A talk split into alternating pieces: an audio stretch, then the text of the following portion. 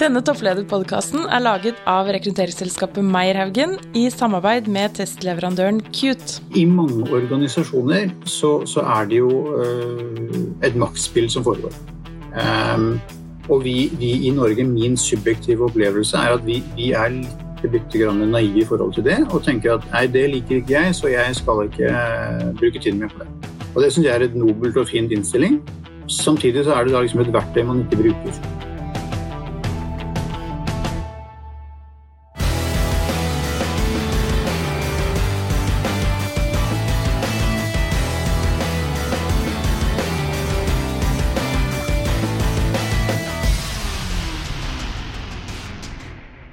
Ja, Sverre. I dag er vi så heldige at vi har med en veldig spennende gjest. ja, det har vi. Og hvem er det vi har med oss i dag, Petter? Jo, det er Henning Holtan, og han er Regional Managing Director Nordics and Baltics i Visa. Veldig spennende. Velkommen, Henning. Tusen takk. Hyggelig å være her. Ja, og når du, Det er ikke den korteste tittelen jeg har vært borti. Er det, hvordan er det med Kunne du velge tittel selv, eller er det sånn som du bare fikk på visittkortet ditt? Det jeg fikk på visittkortet. Jeg, jeg, jeg, visste hva jeg skulle ha ansvar for når jeg begynte å jobbe her. Eh, og så får man trekke pusten og si tittelen, og så får man begynne å snakke om de tingene man egentlig skal snakke om. Ja. Og det vi skal prate om i dag, det er jo toppledelse, men vi skal også prate om dette med betalingsmarkedet, betalingsformidling. Og så kommer vi også innom dette her Har betalingsvanene våre endret seg i koronaen? Eh, det er et tema som vi må også være litt innom, eh, Henning. Mm. Så skal vi Så har vi jo et liksom fast innslag, Henning, så du vet det at vi pleier å stille på slutten av denne podkasten, så stiller vi deg til det vi kaller tre kjappe, da, som er tre spørsmål. Og nå introduserer jeg de litt sånn at folk vet hva det er i dag. Og så skal du få lov til å svare på de etterpå, men ikke enda, altså. Mm. Eh, og denne er veldig relevant i disse koronatider. Det er jo et, en serietips hvis man skal eh, slappe av litt og se på noe, hva, hva kunne du anbefalt da? Mm. Det andre som kan være interessant å høre dine perspektiv på, det er ditt beste tips for ledelse på tvers av landegrenser, altså distribuert ledelse. Det er interessant. Og så mhm. har vi et spørsmål som er sendt videre fra Mari Velsand, som er direktør i Medietilsynet. Og det er hvis du skulle gitt deg selv et råd før du ble toppleder, hva skulle det vært? Eh, og den, det skal du få lov til å tenke litt over eh, mens vi, mens vi går gjennom fram til slutten av innspillingen. Mm. Og, dere, ja, og dere som lytter, kan jo også tenke på hva ville dere svart eh, hvis dere hadde fått disse spørsmålene, hvis dere var i Henning Holtan sine sko, da. Så uh, dette er jo da spilt inn fra uh, offsite, altså litt fra forskjellige hjemmekontorer og sånn, så vi, vi, sitter og ser hverandre på skjerm her nå. Så det er jo blitt den nye hverdagen. Men hvordan er hverdagen for deg i koronatiden, eh, Henning? Det, det, det er morsomt du sier det, fordi jeg husker når, når vi som samfunn begynte å stramme til på koronasituasjonen, det var faktisk den dagen jeg skulle ned og møte dere for å spille inn dette opprinnelig. Um, oh, ja. Og det er, eh, jeg husker vi, Det ble jo avlyst nærmest mens jeg var in transit, fordi vi som samfunn plutselig innså at nei, nå skulle vi ikke ha fysiske møter lenger. Og Det var da torsdag 12. mars? Ja, det stemmer. Det stemmer. Eh, og det føles ufattelig lenge siden. Ja, ja det er sant, det. Men, men, men, det er eh, Altså, jeg er veldig imponert over folk som, som stiller opp og som, som, som gjør de rette tingene. Ehm, vi har ekstremt mye kommunikasjon innad i vårt selskap eh, som gruppe, altså regional gruppe, global gruppe, hvor vi, vi overkommuniserer. Ehm, det gjør at folk kommer nærmere og, og, forhåpentligvis ikke føler seg så isolerte selv om vi fysisk er på forskjellige lokasjoner. Eh, men det er, det er fascinerende hvor fort vi har satt oss inn i denne nye normalen. Eh, jeg kjenner jo nå at etter hvert som Norge og de andre nordiske landene begynner å åpne opp igjen, så sitter jo kollegene mine og klorer etter å komme tilbake. For vi, vi er vel alle relativt lei av å sitte hjemme. Eh, høres, høres det kjent ut, Petter? Ja, jeg, jeg, jeg, jeg nikka meg hodet når du sier dette her. For jeg er jo en sånn ekstrovert som har blitt ekstremt understimulert de siste to månedene. Jeg må bare mm. være enig i det. Selv om jeg har hatt det fint på hjemmekontor, så så er det den daglige omgangen med venner og kollegaer og det å være litt ute og kikke og sånn. Så Så nei, jeg må bare si at uh, det, jeg, jeg, I read you, for å si det sånn. Dette kommer vi jo til å snakke litt mer om, hvordan denne situasjonen vi står i er. Men for å bli litt kjent med deg først, da, Henning. Mm. Eh, så har vi lyst til å stille et litt, litt mer personlig spørsmål enn jobb. Og, og da er liksom det standardspørsmålet vi stiller. Hvis jeg hadde møtt deg på en fest, og så begynte jeg å snakke om en tematikk, og du kunne vært hva som helst, hva er det jeg skulle begynt å snakke om for at du virkelig hadde fått vann på mølla? Hvilken tematikk er det du Eh, det, jeg, jeg, jeg, hadde nok eh, eh diskré forsøkt å vende den tematikken rundt hva er du interessert i, for jeg syns det er en spennende måte å oppdage mennesker Det er kjempegøy. Jeg, jeg er litt sånn som, som du sier, Petter, litt, litt sånn relasjonsperson som liker å det er feil ord å bruke, men liksom ikke utforske personen foran meg, men, men, men komme litt innpå og forstå litt. Jeg synes det er litt nysgjerrig? Ja, og, og komme hakket under liksom den, den uh, corporate-fasaden. Og forstå hva er det som gjør uh, denne personen hva, hva, gir puls og glede. Så hvis jeg da, ja, hvis jeg da, hadde, hvis jeg da hadde, sagt at ja, for meg så er det jakt Hvilken posisjon tar du da? Tar du den som ja, men det er enig, eller tar du sånn men må du egentlig drepe for å spise? Nei, da spør jeg om det er storvilt eller småvilt, og hvor jager du? ja, veldig bra. Om jeg forteller deg om at for jeg liker å være mye ute i naturen, vi ja. mye ute og går, eh, og så er jeg personlig Jeg skyter mye, jeg skyter ikke på levende ting, men jeg driver mye med håndvåpen. Og da oh, ja. mye om det, um, og det hadde vært en kjempespennende samtale. Jeg merker allerede at jeg har lyst til å gå inn i samtalen, men det er kanskje litt off topic.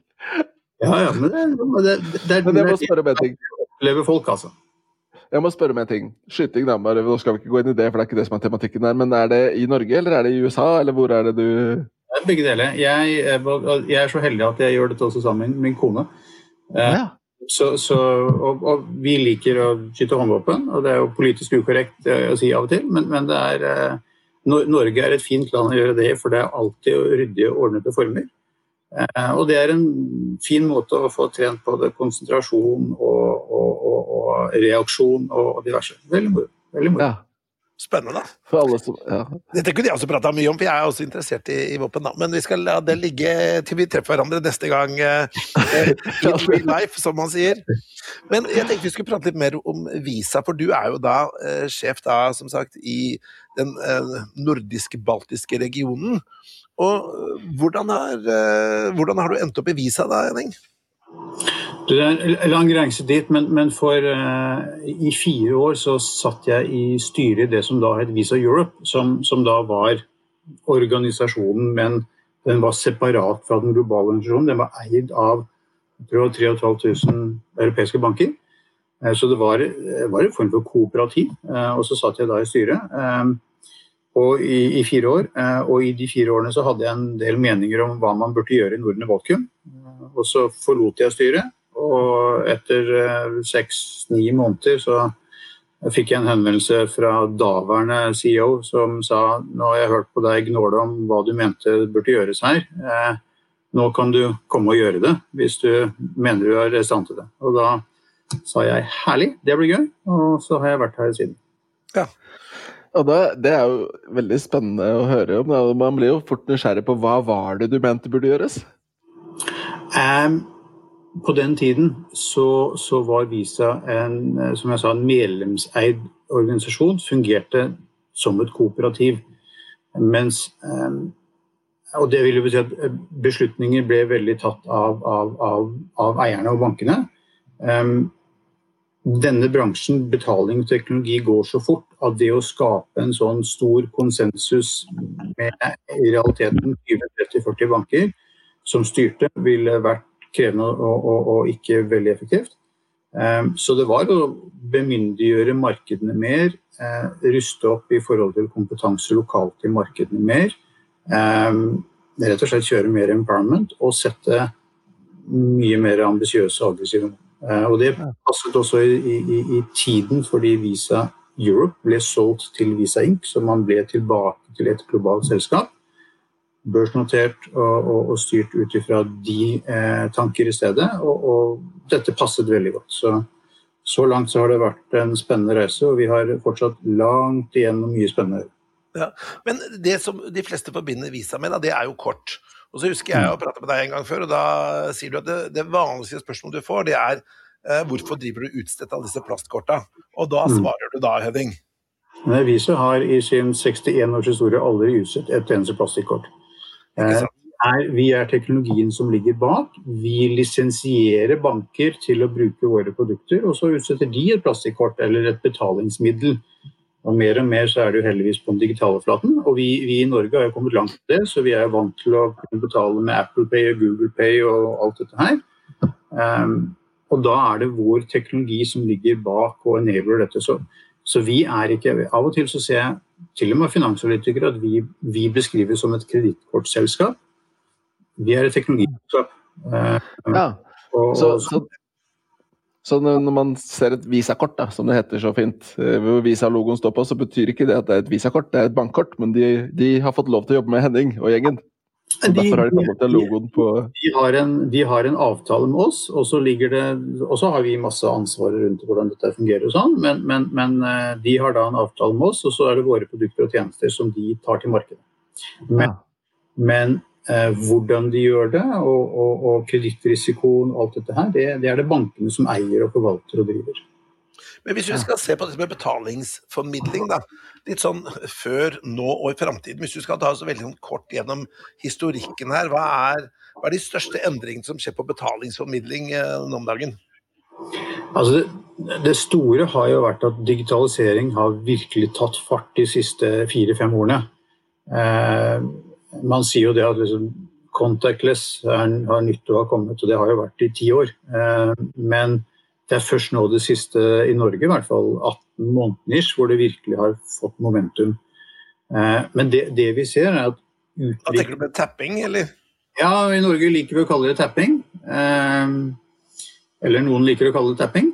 Men løs betaling, som igjen veldig populært i disse koronatider, av god grunn.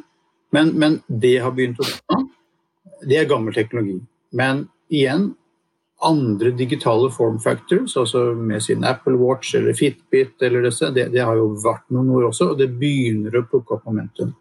Men det som, det som skjer med betaling, er at det er i ferd med å bli veldig mye bredere.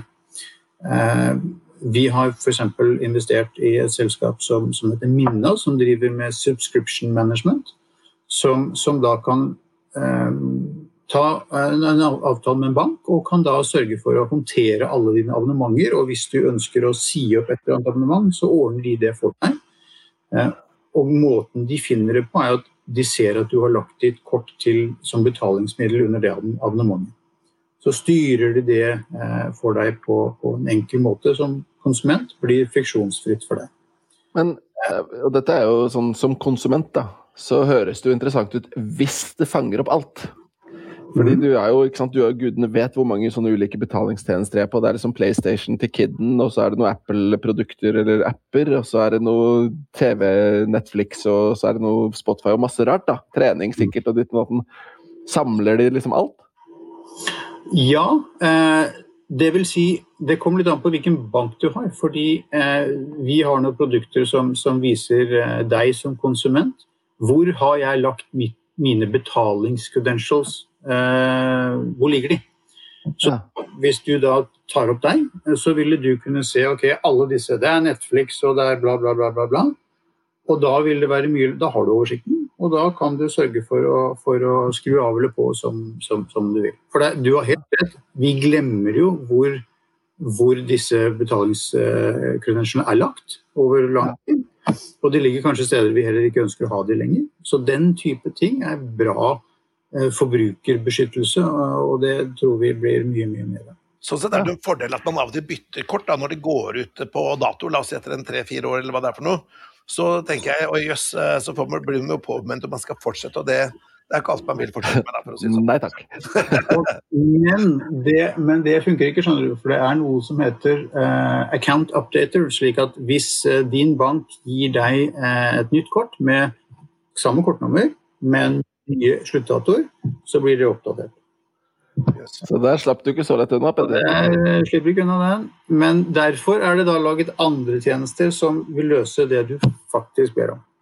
Ja. Men at det account updater eksisterer, er jo nettopp det at det var jo tidenes hassle når du fikk en kortfornyelse som er hvert andre eller tredje år, og så plutselig måtte du inn på alle disse stedene, oppdatere to siffer og ny eh, CWC-kode. Kjempefrustrerende. Og vi vil ikke at det skal være friksjon i våre produkter, så dermed så laget vi denne løsningen. Eh, enkelt og greit. Men jeg må spørre, Henning.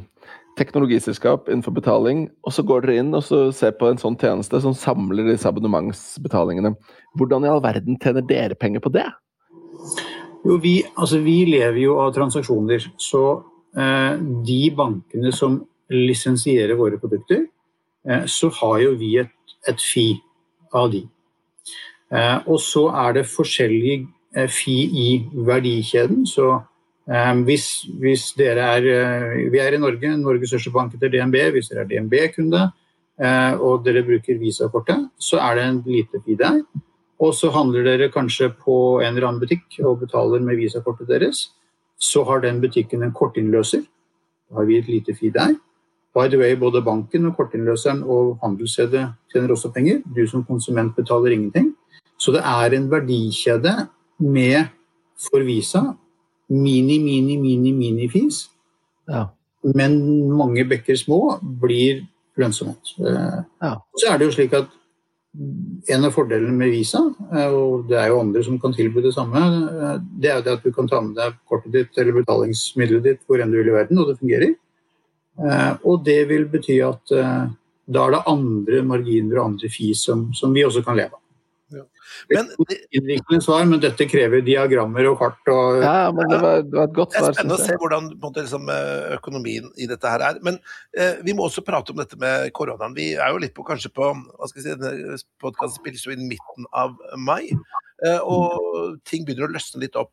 Men eh, du sitter jo midt i eh, betalingens episenter i forbindelse med å se hvordan har betalingsrutin eller vanene våre endret seg i koronaen? Og så er det forskjell på Norge og ulike land? Eh, ja, det er det. Eh, og vi, eh, vi, gjør en del ting aktivt med tilsynsmyndigheter og, og, og, og regjeringer.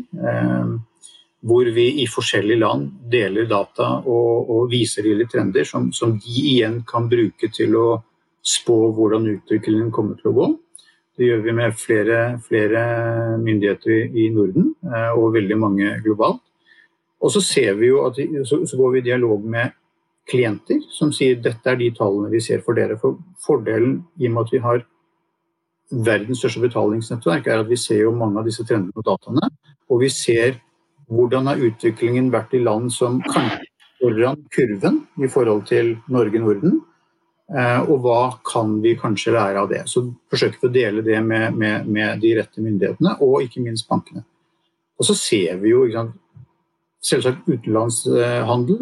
Eh, fysisk utenlandshandel har naturligvis gått helt i kjelleren. Netthandel har gått veldig opp. Eh, I Norden så, så er vi et veldig digitalt marked, så det er ikke så mye kontanter i omløp. Men hvis du reiser mer sørover i Europa, hvor du har Italia f.eks., som, som er veldig kontanttunge land, så ser vi det at kortbruken skyter i været fordi handelsstedene, de som får lov å være oppe, sier at vi vil ikke ha eh, kontanter, vi vil ha kort. Um, så, så, vi ser jo en atferdsendring. Uh, og så går vi inn og ser også på hvilke kategorier av handel går nå opp, og hva går ned. Ikke overraskende, alt som går med turisme, den slags, går jo virkelig ned.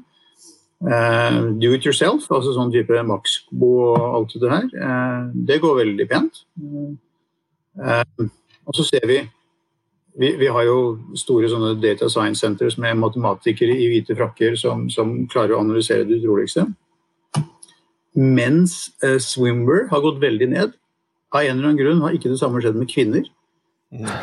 Så, så, kanskje har vi en forskjellig eh, kjønnsdelt eh, optimisme i forhold til hvordan sommeren kommer til å bli.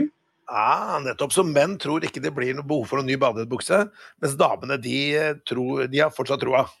Det ser sånn ut på kjøp. De har investert mer i sommerkroppen i 2020 enn menn. Ja, vet, Noen har satt 2021, mens andre klinger seg i håpet.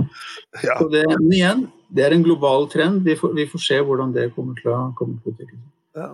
Du, vi tenkte vi skulle også se på dette med toppledelse. Det er dette er jo en topplederpodkast. Eh, eh, og vi tenkte å bare si, hva er den største forskjellen, mener du, på de personene som blir toppledere som deg selv, og de personene som da av en eller annen grunn ikke klarer å bli toppledere, men da blir stuck i mellomledersjiktet? Hva vil du si er den store forskjellen der? Er det bare tilfeldig, eller er det noen forskjeller i personlighet eller evner? Eh, det, det, for det første det er et veldig vanskelig spørsmål. og Jeg, jeg har ikke noen sånn umiddelbar fasitsvar. Jeg har noen refleksjoner rundt det. Og det jeg tenker at hvis, hvis, du, hvis du ønsker å ta en rolle hvor du har øverste ansvarlig for et eller annet eh, Nå kommer det noen klisjeer, men altså, punkt én, du, du må ville det. Men det andre er at jeg mener du må skjønne hvorfor du vil det. Eh, jeg blir veldig bekymret når folk har det som en ren sånn karrieremessig 'jeg vil bli toppleder'. Og hvis de for seg selv og i og for seg andre ikke kan svare på 'hvorfor vil du det', så er det noe som er litt ute av synk, tenker jeg. Ehm, det å være øverste ansvarlig for noe kommer med mange fordeler og enda flere utfordringer og et ansvar som gjelder mye mer enn bare de finansielle tingene du er satt til å oppnå. Eh, men ledelsesmessig for personer. Det har et stort etisk ansvar. Eh, så, så folk som ønsker det, bør tenke lenge gjennom hvorfor. Mm. Hva gjør at jeg mener jeg kan gjøre en god eh, rolle i det?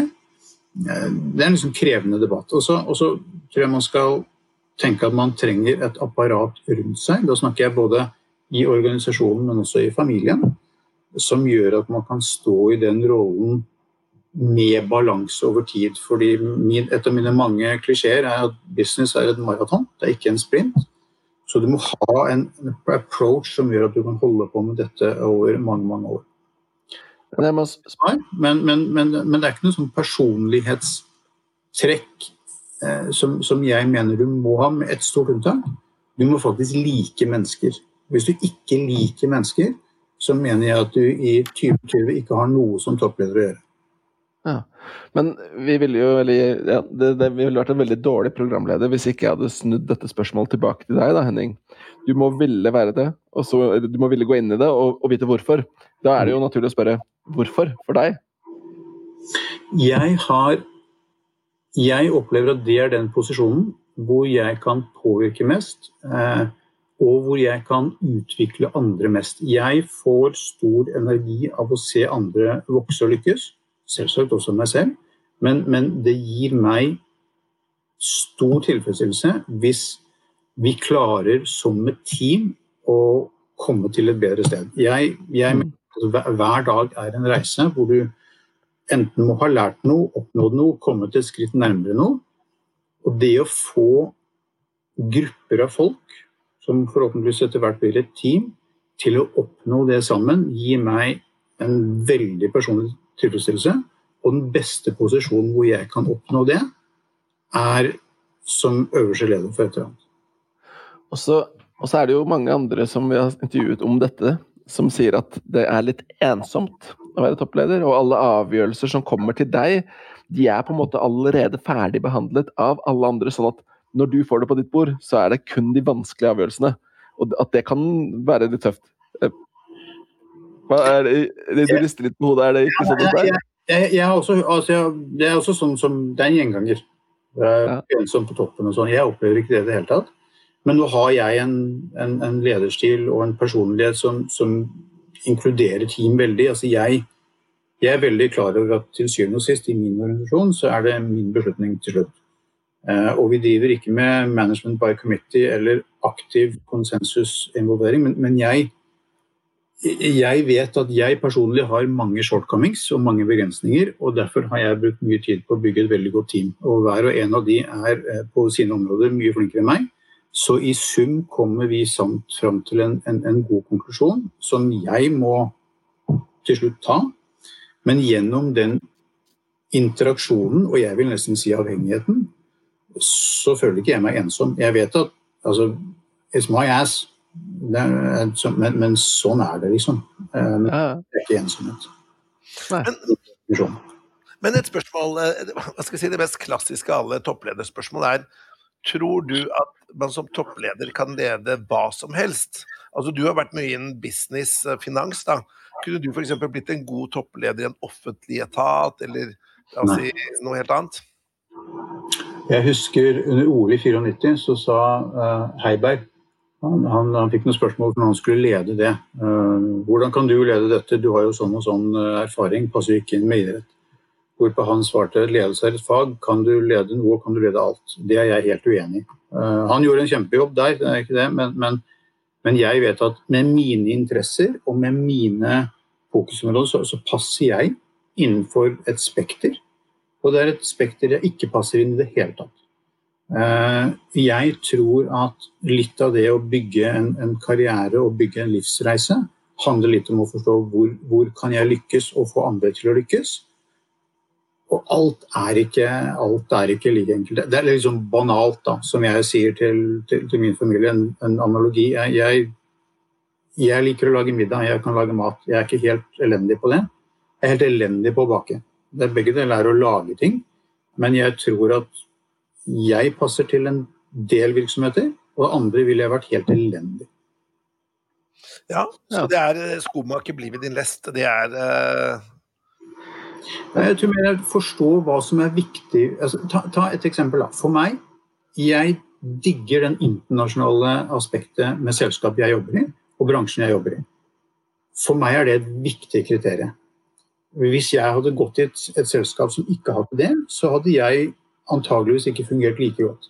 Og så er det andre elementer som gjør at ok, jeg er kanskje eh, god på å lede på et visst sett. Hvis det settet ikke passer i den bransjen i industrien, hvor det krever en litt mer dikterende approach, for det er bare sånn det fungerer bedre, så er kanskje ikke jeg rette oppskrift. Eh, så, så, det er noe med å forhåpentligvis ha såpass selvinnsikt at man forstår at jeg er et verktøy, jeg fungerer til noen oppgaver, andre oppgaver krever andre verktøy.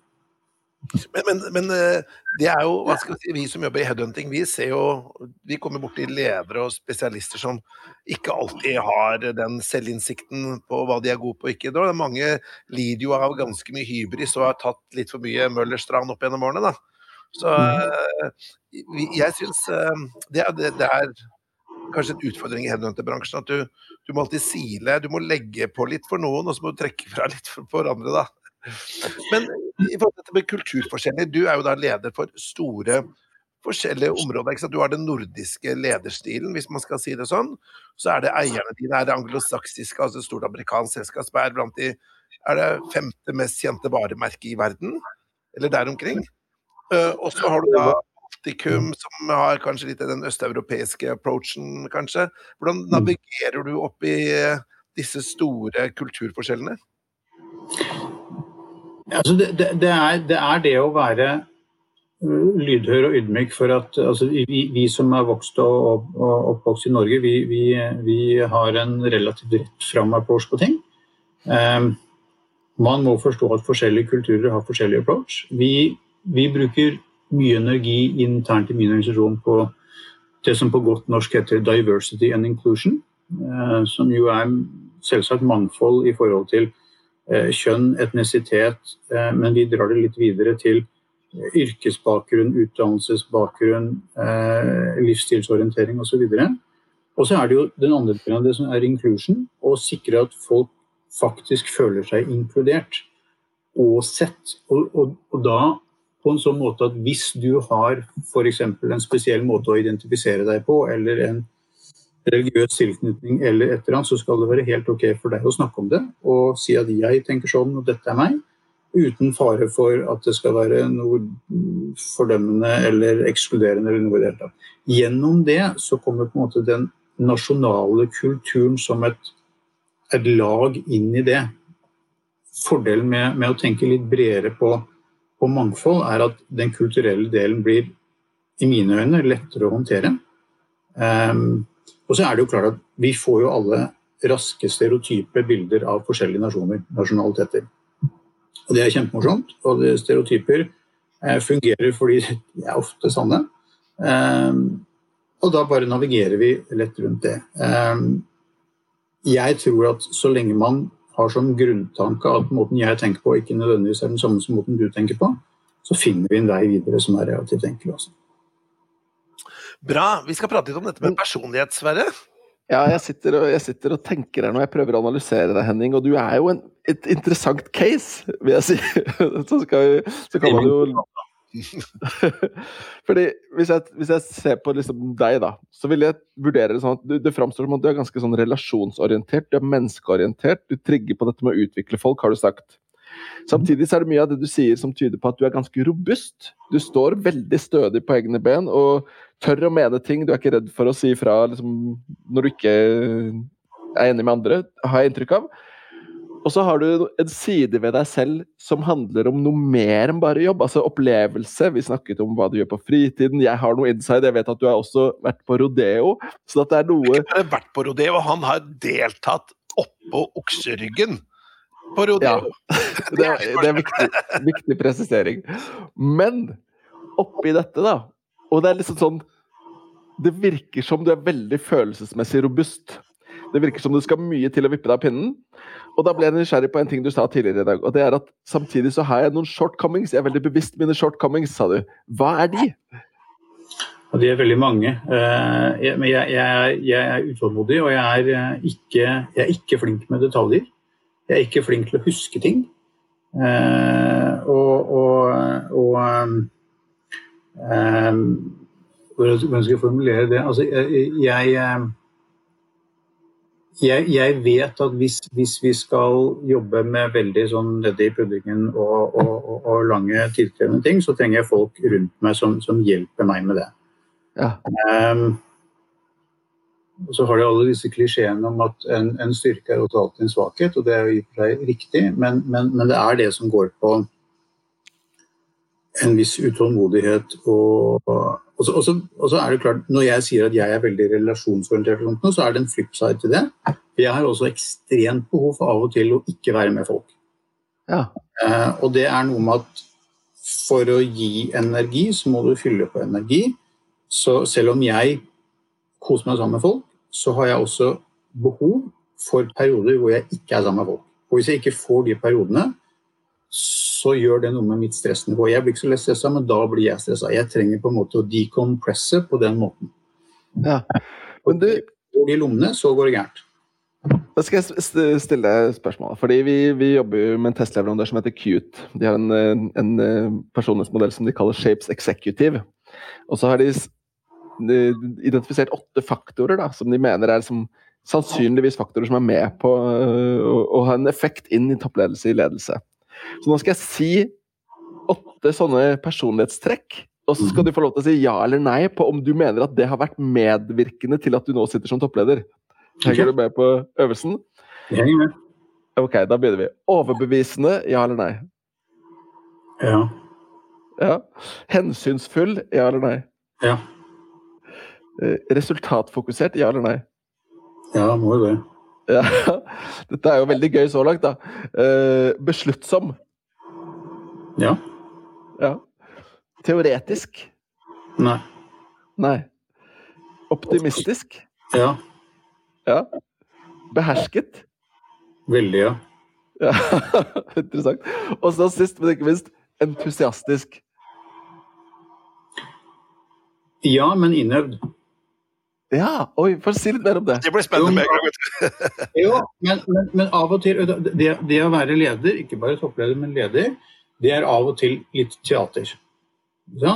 Eh, det, du, hvis, hvis, du ikke overfor ditt team og din organisasjon kan fremstå som optimistisk og engasjert og positiv, så kommer jo ikke organisasjonen til å stille seg bak målene og retningen og lene seg inn. Altså, det koster en veldig lang skygge.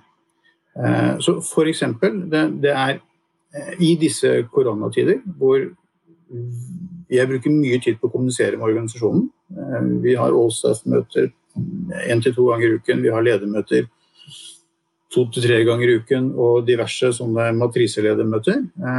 Så det er klart at det er viktig da å fremstå positiv, trygg. Dette fikser vi, dette er det vi gjør, viser retning og alt dette her. Men det er klart det er jo dager hvor jeg har tenkt at shit, dette er så kjedelig å sitte på dette hjemmekontoret og sitte under Skype og liksom tenker at å herregud, men du kan ikke vise det. Så av og til så må det være teater. Eh, så derfor jeg sier at ja, jeg er i utgangspunktet entusiast og engasjert, men noen ganger så er det fordi I'm kind of taking myself up og ser på at det er rollen i dag. Ja, det er jobben. jobben. Og, det, og det må du kunne gjøre. og Det er klart det er, ikke, det er viktig at du tror på det du sier, men av og til må du kanskje skru opp volumet litt. Grann. Sånn er det. Ja, ja. Men uh, har du endret deg selv, la oss si opp gjennom årene, da? Ikke sant? Så, så blir man jo klokere og visere, i hvert fall en hypotese, da. Uh, og uh, dermed så er det også et spørsmål om Har du endret deg personlig fra du var la oss si, mellomleder til du ble toppleder? Jeg har blitt eh, vesentlig mer ekstrovert og kommunikativ eh, etter hvert som jeg fikk mer ansvar. Fordi når jeg svarte nei på det teoretiske Jeg, jeg kan sitte og kose meg med litt teori, eh, men etter hvert som jeg har på en måte fått et større ansvar, så har de delene som går på kommunikasjon, relasjon, ekstrovert, vokst. Og andre ting eh, har blitt tonet ned. Og, og det er jo, velger jeg å tro, da, at det er fordi jeg har tilpasset meg rollen jeg har. Ja. Bra. Men du, jeg tenkte vi skulle gå over til disse tre kjappe igjen, Sverre. Mm. Ja, det kan vi gjøre. Um, da er det Hva kommer til å Hva Henning kommer til å svare her? Det er jeg også spent på. Og um, vi, jeg tror vi skal spare denne filmen serien til slutt. Som en sånn der, det er litt sånn underholdning. Så vi begynner med fag. Hvis vi tenker ledelse over landegrenser på tvers av kulturer, Henning. Mm. Hva er det beste tipset du kan gi andre for å lykkes med det, og særlig da som toppleder? Eh, jeg eh, ville tenkt at det å overkommunisere eh, og ikke ta for gitt at folk forstår det du sier med en gang, altså innholdet i det du sier, fordi vår, vår mentale kontekst er ofte farget av vår, vår sosiale bakgrunn. Så, så, så overkommuniser, repeat, repeat, repeat, and ask for clarification. Eh, og selvsagt den gamle klisjeen 'du har to ører, du har én munn'. Så, så hele tiden lytte og hvis du hører noe du ikke helt forstår, reflektere litt over det og be om betydelighet. Men overbevise. Ja. Det er et godt tips, og sikkert relevant også i en ikke-internasjonal setting, tror jeg. ja, jeg, jeg, tror ikke det er feil i Norge heller, men, men, men det, det, at vår fortolkning av ting er veldig definert av vår, vår, vår si, nasjonale oppvekst. Ja. Er, er, en viktig greie å forstå, men det er ikke alltid man klarer å få det ut i samtalen. Ja. Um, neste spørsmålet det er sendt videre fra Mari Velsand, som er direktør i Medietilsynet. Uh, da spurte vi henne hvilket spørsmål har du lyst til å sende videre til neste toppleder vi intervjuer. Og det hun sa var hvis du skulle gitt deg selv et råd før du ble, altså gå tilbake i tid da, og gi deg et råd før du ble toppleder, hva skulle det vært? Jeg, eh, jeg er fristet til å si bruk mer energi på å forstå det politiske som foregår i en organisasjon. Eh, nå er jeg heldig at jeg jobber i en organisasjon hvor det er, hvor det er lite av det, men jeg har, jeg har, jobbet i andre hvor det har vært mye større innslag. Eh, og som, som, sånn som, typiske nordmenn, så vi liker ikke at å, politikk skal ikke inn i ledelse. Eh, og, og, alle disse maktgreiene som skjer Har du noen eksempler på hva du mener med politiske eh, Altså the company game? Ja, så, i, i, i, mange organisasjoner så, så, så er det jo eh, et maktspill som foregår. Um, og vi, vi, i Norge, min subjektive opplevelse er at vi, vi er litt bitte grann naive i forhold til det og tenker at nei, det liker ikke jeg, så jeg skal ikke uh, bruke tiden min på det. Og Det syns jeg er et nobelt og fint innstilling. Samtidig så er det da liksom et verktøy man ikke bruker. Um, så, så, så, jeg ville sagt at prøv å forstå hvordan det fungerer. Og ikke bli en, si, en politisk spiller, men forstå hvordan den dynamikken er, og hvordan den kan påvirke deg. Fordi det som ofte skjer da når vi skal Eh, som ledere skal få eh, eh, støtte for forslag eller initiativ eller ting vi ønsker å gjøre, så handler det jo også om å få folk med på laget, få folk med på reisen. I dette her så er det et element i organisasjoner som også har den politiske maktspillet. Og ikke være bevisste, og det er der fordi vi er mennesker. Det er ikke å, å si at min organisasjon har ikke det. Det er et eksempel på naiviteten som jeg mm. uh, vil unngå. Men forstå at det finnes, håp at det finnes i minst mulig grad, og som en del av å forstå det, ikke bli en, nødvendigvis bli en del av det, men, men bruk det som kontekst. Mm. Bra. Så bra. Da, da, hopper vi til underholdningsbiten som en eh, avrunding på de tre kjappe. Eh, nå er det jo koronatid, og vi kan alle ha et behov for å sitte og med litt underholdning. Eh, serietips fra Henning Holtan. Nei, altså, Jeg binger jo som, som alle andre. Eh, og HBO er jo de største oppfinnelse siden julet, så det er jo helt nydelig.